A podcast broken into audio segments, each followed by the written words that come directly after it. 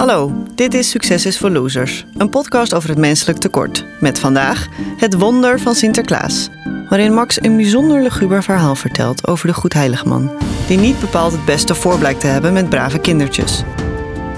Mooi woord eigenlijk, luguber. Luguber woord ook.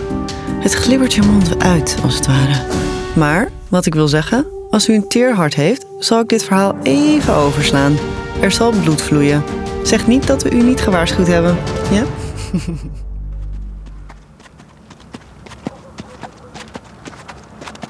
Sinterklaas luisterde naar de doffe stappen van Americo.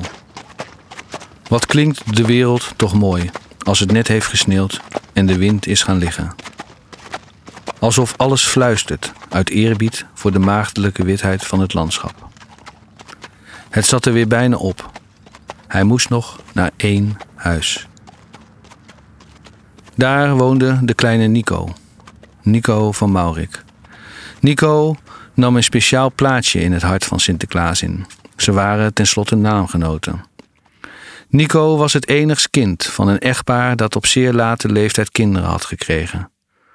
Bijna een jaar geleden alweer, in de januaridagen van 1962, overleed zijn moeder aan de gevolgen van TBC. Ze was 58 jaar oud geworden. Toen ze Nico kreeg op 52-jarige leeftijd, werd dat gezien als een wonder. Dat Nico blind geboren werd, deed daar niets aan af. Nico en zijn vader, een eenvoudige boerenknecht, hadden het niet breed. Ze waren arm, maar vroom. Arme kinderen hadden een streepje voor bij Sinterklaas. Wat overigens niet betekende dat hij ze meer cadeaus gaf, integendeel. Arme kinderen kregen juist minder. Je moet de natuurlijke gang van zaken nooit beïnvloeden. Bovendien, het aardige van arme kinderen is juist dat ze blij zijn met de meest onbenullige cadeautjes. Dat ga je niet verpesten door ze ineens dure cadeaus te gaan geven. Voor Nico had de Sint een enkel paar sokken in zijn zak. Geritsel in de struiken, krakende takjes. Sinterklaas keek strak vooruit. Nico geloofde nog heilig in de Sint. Zes jaar was hij. Die ochtend nog had Nico bij de Sint op schoot gezeten. Sinterklaas had Nico school bezocht. Kom jij eens even bij de Sint? Had Sinterklaas tegen Nico gezegd. De hulppiet hielp Nico bij de Sint te komen. Zo, zei Sinterklaas tegen Nico. Vertel jij eens even aan Sinterklaas wat jij wilt hebben. Maar in plaats van op deze vrij eenvoudige vraag een antwoord te geven, keek Nico naar beneden. Wat zit je dwars, mijn jongen? zei Sinterklaas. Nico haalde zijn schouders op en liet zijn beentjes bungelen. Wat zou je willen hebben? vroeg Sinterklaas. Zijn stem klonk geruststellend. Nico zei zachtjes dat hij niks wilde hebben. Sinterklaas geloofde het niet. Hij bleef aandringen. Ik wil dat mama terugkomt, zei Nico. Papa is zo somber zonder mama. Ik wil dat ze samen zijn. Het hart van Sinterklaas brak. Sinterklaas stond stil voor het bescheiden huisje van vader en zoon van Maurik. Binnen brandde slechts in één kamer een zwak licht. Sinterklaas keek naar boven en zag een rookpluim uit de schoorsteen dwalen. Via een stapel brandhout leidde Sinterklaas zijn paard het dak op. Hij overzag het landschap. Americo brieste bescheiden. De ruige grienden waren bedekt onder een mooie laag poedersuiker. Dat flonkerde in het maanlicht. Sinterklaas snoof de geur op van het winterwonderland. Beneden schoot een donkere gedaante langs de bomen. Een tuinhek klapperde in de wind. Door de schoorsteen klonk een heldere jonge stem, die zong dat zijn hart vol verwachting aan het kloppen was. De Sint gleed met paard en al van het dak af. Ze kwamen naast de voordeur terecht, geruisloos bijna. Wat een wonderpaard had hij toch. Een schaduw gleed over het tuinpad, lispelend grind. Sinterklaas stapte af, sloeg wat sneeuw van zijn tabbert en klopte met zijn staf op de deur. Hij wachtte. De deur werd opengedaan door Jozef, de oude vader van Nico. Sinterklaas? zei de weduwnaar stom verbaasd. Wat doet u hier? Ik kom voor de kleine Nico. zei de Sint. Hij hief zijn staf uitnodigend in de lucht en ramde deze flitsend snel in Jozefs rechteroog. De vlijmscherpe achterkant van de staf ging er dwars doorheen en kwam er aan de andere kant van de schedel weer uit om tegen de muur tot stilstand te komen. Sinterklaas trok zijn staf terug. De oude Jozef zeeg neer en viel met een doffe roffel op de kale vloer. Sinterklaas keek naar het uiteinde van zijn staf. Er kleefde wat oog- en hersenresten aan vast. Hij knielde bij het lijk van Jozef neer en veegde zijn staf af met Jozefs muisgrijze trui, die vol gaten zat. Pap, hoorde Sinterklaas de stem van Nico uit de kamer komen. Vrees niet, wilde Sinterklaas zeggen, ik ben het. Maar op dat moment werd er luid gebonkt op de ruiten. Sinterklaas hoorde Nico een gil slaken, maar meteen daarop begon Nico Daar wordt aan de deur geklopt te zingen. Het gebonk kwam nu vanuit de andere kant van de kamer.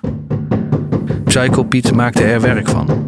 Op het moment dat Nico het langgerekte Sint-Nicolaas, Sint-Nicolaas, breng ons vanavond een bezoek zong, gooide Piet de achterdeur open en strooide zo hard mogelijk strooigoed in de ronde. Nico wierp zich op handen en voeten en tastte zo de vloer af, op zoek naar pepernoten en suikergoed. Papa, bleef hij opgewonden roepen, papa, er is gestrooid. Ik zei dat Sinterklaas niet aan ons huisje voorbij zou gaan. Dag Nico. zei Sinterklaas met zijn geruststellende, sonore stem. Sinterklaas, zei Nico, even verrast als hoopvol. Sinterklaas, ja. zei Sinterklaas. Het ventje stond op en liep in een rechte lijn op Sinterklaas af. Kun jij zo, zonder ergens tegenaan te botsen, op mij aflopen, zei Sinterklaas bewonderend. terwijl je niks kan zien? Ja hoor, zei Nico trots, dat kan ik makkelijk, Nou, zei Sinterklaas. wat ontzettend knap van jou. Kom dan maar eens snel hier. Dan kijkt Sinterklaas of hij nog wat voor je heeft. Nico kwam dichterbij.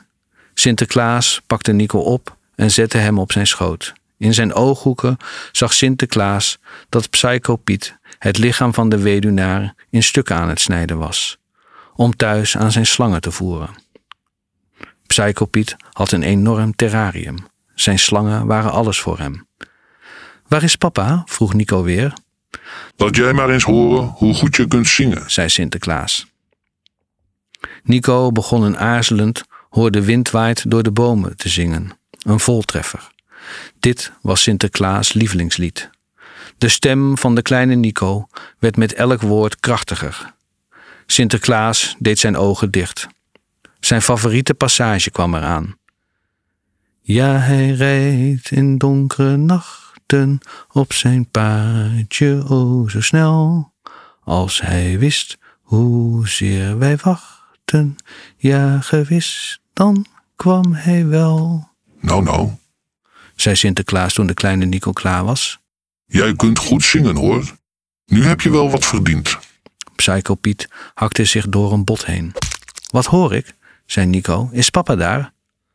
Volgens mij is je papa hout aan het hakken. zei Sinterklaas. Maak je pakje maar open. Nico maakte het pakje open. Hij voelde en voelde. Zijn gezichtje ging stralen. Zijn het sokken? Sinterklaas beaamde dit, Het zijn sokken. zei hij. Probeer ze maar eens.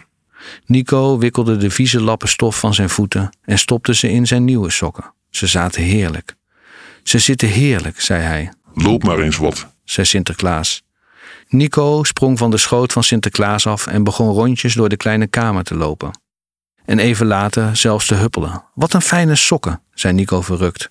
Sinterklaas zag dat Psycho Piet de buik van Nico's vader openreed. Hij haalde de darmen eruit. Dat kon de naaipiet handig als elastiek gebruiken voor de pofbroeken van de zwarte pieten.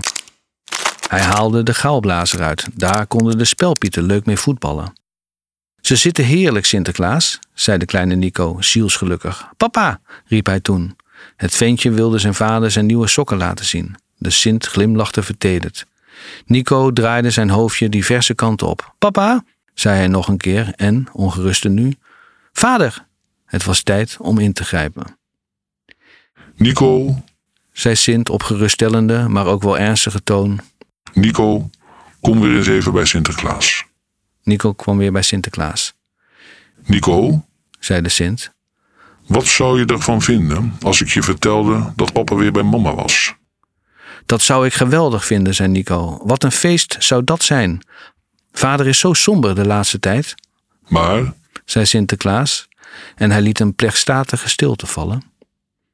Wat nu als ik je vertelde dat jij je vader en moeder dan nooit meer zou zien? Och, zei Nico beteuterd, nee, dat zou ik helemaal niet fijn vinden, Maar het is toch de keuze die jij moet maken, Nico. zei Sinterklaas. Of je blijft bij papa en papa zal somber zijn. Of papa is gelukkig bij mama, maar dan ben jij er niet. Maar dat wil ik helemaal niet, zei Nico, Je moet. zei de Sint. Uit elk blind oogje ontsnapte een enkele traan. Dan vind ik dat papa bij mama moet zijn, zei Nico. Dat is het juiste antwoord, zei Sinterklaas. Hij nam de kleine jongen aan zijn hand mee.